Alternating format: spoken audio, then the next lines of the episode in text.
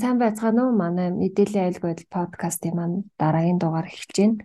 За энэ удаагийн дугаараараа хүний хувийн мэдээлэл хамгаалах тухай хуулийн талаар ярилцгаар байгаа. За яагаад энэ хуулийн талаар ярилцгаар болсон бэ гэхлээр илүү хувь хүн биднэрт хамааралтай уг хуульд ямар ямар зүйлс ер нь тусгагдсан байгаа. Бид нар яагаад уг хуулийн талаар мэдлэг мэдээлэлтэй болох шаардлагатай талаар манай подкастын зочин өнөөдөр та бүхэнд танилцуулгаар байгаа. За тэгэхээр манай зочноор өмнө манай хамгийн анхны подкастын дугаарын зочноор оролцож исэн хуульч зөвлөх Галбаатар маань дахин өргөдөн оролцож байгаа. За ингээд танд энэ өдрийн мэндийг хүргэе.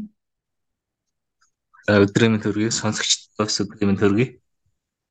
За тэгэхээр та манай сонсогчдод яг уг хууль маань хизээ одоо боловсруулагдсан тэгээ уг хуулийн зорилго маань одоо зорилт нь юу байгаа талаар танилцуулж өгөөч. За тэгээ хүний хувийн мэдээлэл хамгаалах тухай хууль гэдэг шинэ хууль 2021 оны 12 сард буюу жилийн өмнө батлагдаад тэгээд сая 5 сарын 1-нд үйлчилж байгаа. Энэ хуулийн зорилго тэгвэл хүний яг нэрнээс л зорилго нэр нь тодорхой. Хүний хувийн мэдээллийг хамгаалах зорилготой. Яагаад хувийн мэдээллийг хамгаалах хууль туртаа ингээд чинээр чирвэ гэдэг асуудал байгаа. 95 онд хувийн хувийн нууцын тухай хууль гэдээ батлагдсан байдаг. Тэр хууль болохоор яг орчин үеийн шаардлагад нийцэхгүй байна. Нөгөө талаар хүний хувийн мэдээлэл замраагүй энэ тэнд ингээд цуглуулж байгаа, боловсруулж байгаа явж байгаа учраас тусад нь хууль гарах шаардлагатай болчихё гэдэг. Тэгээд ийм зорилготой хууль гарсан. Аа. Тэгэхээр бид нэр одоо хүний хувийн мэдээлэл гэж яриад байгаа. Яг уг мэдээлэлд манд бидний одоо ямар ямар мэдээлэл орсон байдаг юм бэ? Яг ямар ямар мэдээллийг хүний хувийн мэдээлэл гэж үзэх вэ? За тэр хууль хөдөө чагсаалтыг нь оруулсан ба ийм мэдлэг хүний хувийн мэдээлэл гинэ гэдэг. Тэгээд тэр нь бол гурван ангилж болох юм байна гэж харсан. Нэгдүгээр хүний эмзэг мэдээлэл байгаа. Хоёрт нь болохоор биеийн байцаалтай холбоотой мэдээлэл, гуравт нь дахин тодорхойлогч гэсэн ийм мэдээлэл байгаа. Энийг би ахад дэлгэрүүлээд хэдий. Хүний эмзэг мэдээлэл гэдэгт нь болохоор юм гон төрлийн мэдээлэл орж байгаа. Энэ эмзэг мэдээлэл гэдэг нь хамаарах мэдээлэл бол хүний нууцд бас хамаарна. За нэгдүгээр Хүний үн цугсаа, шашин шүтлэг, эрүүл мэнд ихтгэл үнэмшилтэй холбоотой мэдээлэл, эрүүл мэндийн мэдээлэл бол хүний эмзэг мэдээлэл орно гэсэн үг. За хоёрт болохоор генетик болон биометрик мэдээлэл гэдэг. Биометрик мэдээлэл гэдэг бол одоо бас олон мэдээлэл байгаа. Юу гэхээр хурууны ихэ биометрик мэдээлэлд орно.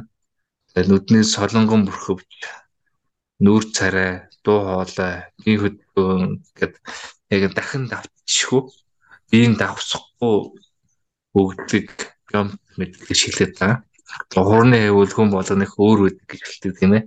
Тэгэхээр энэ мэдээллийг биометрик мэдээлэл оруулсан байж байгаа.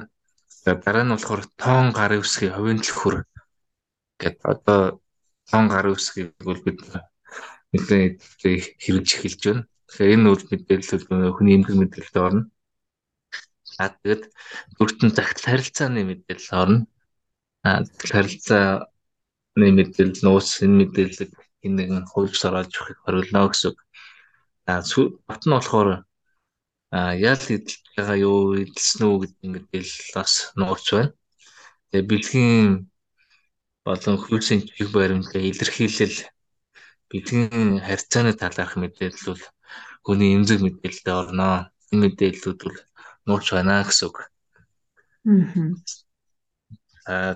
Дараа нь болохоор энэ биеийн байцаалтын мэдээлэл гэж хэлж болно. Эдгээр нь бол яг нууцд хамаарахгүй гэсэн хүний хувийн мэдээлэлд орно. Юу гэхээр хүний эцэг хийнэр өөрийнхөө нэр төрсөн он сар төрсөн газар эртний бүртгэлийн дугаар гэдэг энэ мэдээлэлүүд орно. Дараа нь оршин суугаа газрын аяг байршил гэдэг энэ мэдээлэл орно. Тэгэд хөрөнгийн мэдээлэл, босрал, жүнжлийн мэдээлэл ийм байцаалтын мэдээлэлд байгаа. За сүүлд нь буюу гуравт нь цахим тодорхойлогч гэдэг. Үндсэндээ хүнийг цахим орчинд тодорхойлохтой холбоотой төрлийн мэдээллийг оруулж байгаа. Юу гэхээр цахим шуудан орно. Одоо цахим шуудан гарна хүнийг хэмбэ гэдэг мэдэх боломжтой байдаг. За тэгээд мэдээлэл системийн нэгдэх нэр нөө user name гэж хэлдэг. Тийм ээ. Тэгээд нийгмийн сүлжээ одоо social network хамаарах мэдээлэлүүд орно. За тэгээд харилцаа холбооны утастай болон өсгөө технологийн хаяг байгаа. Тэгээ бусад төрлийн төхөөрөмж мэдээллийн системд хамаарж байгаа мэдээлэл гэдэг ийм үндсэн гурван төрөл тоож болохоор энэ олон мэдээлэл яг хүний хувийн мэдээлэл хамаарна гэдэг хууль тодорхой заадаг гэсэн байгаа. Аа. Тэгэхээр энэ гурван ангил дээр тус бүрчлэн нэг нэг жишээ хэлэх үү? Одоо жишээлбэл хувь хүн байлаа гэж үзэхэд тэр хүний хувьд яг энэ нь энэ ангилтаа орноо тий гэдэг талаар. За тэгээ. Нэгдүгээр таны эрүүл мэндийн мэдээлэл одоо ямар эмчилгээ хийлгэж байгаа, ямар эрүүл мэндийн байдалтай гэдэг тэр мэдээлэл хүний эмзэг мэдээлэлд орчиж байгаа. Аха. Тэр өвчнөр өвчсөн бол тэр мэдээллийг уудлахгүй. А бусад мэдээлэл нийлээ авах хэрэгтэй шаардлага байгаа.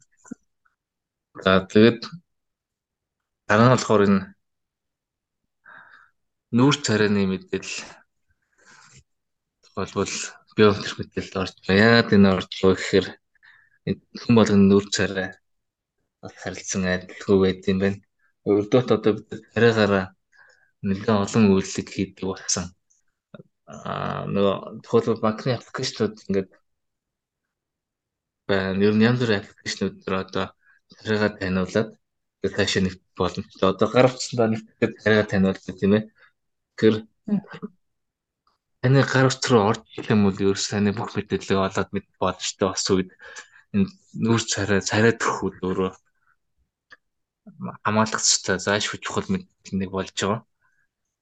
За тэгээд гарын хурууных бас адилхан царай төрхтэй адилхан хурууны эгээр банкны аппликейшнүүд руугаа нэвтэн таны хурууныг одоо уушуулаад тэгээд таны бүх одоо даасанд банкны даасанд нэвтрээд гүйлгээ хийх хэрэгсэлтэй болно гэсэн үг.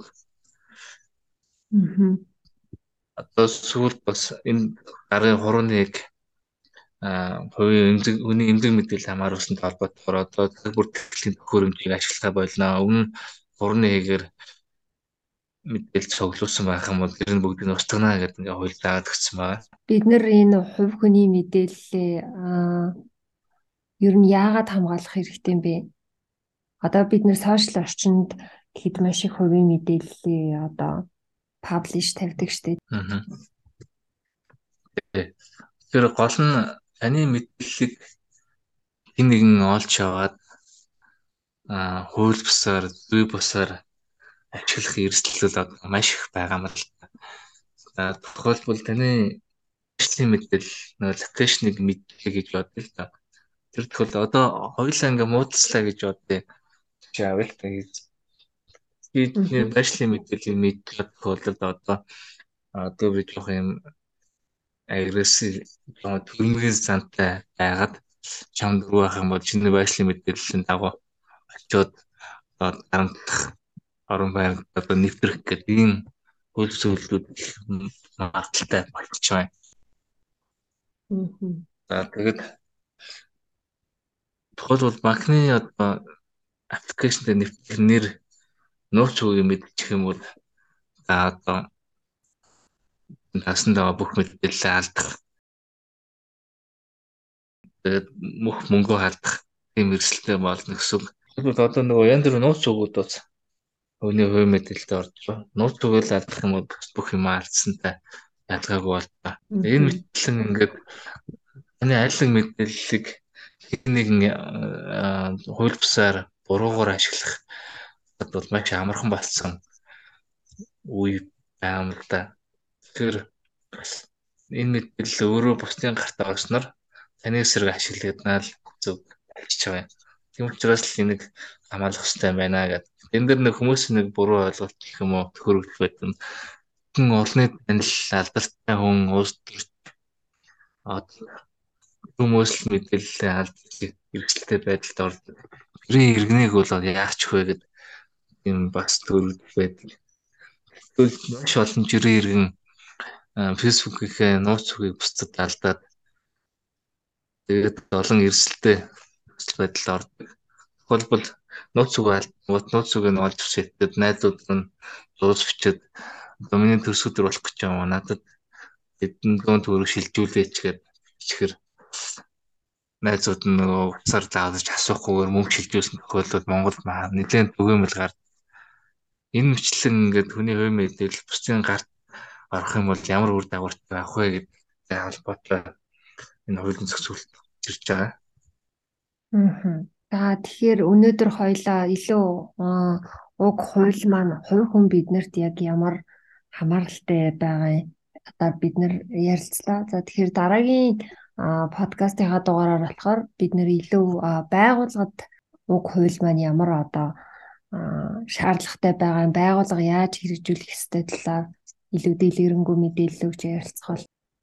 За тэгэхээр өнөөдрийн дугаар маань ингээд энэ хүрээд өндөрлж байна. Подкастт маань таг заваад зарцуулаа оролцсон танд баярлалаа. Дараагийн дугаараараа дахин уулзцгаая. За баярлалаа. За баярлалаа баяртай.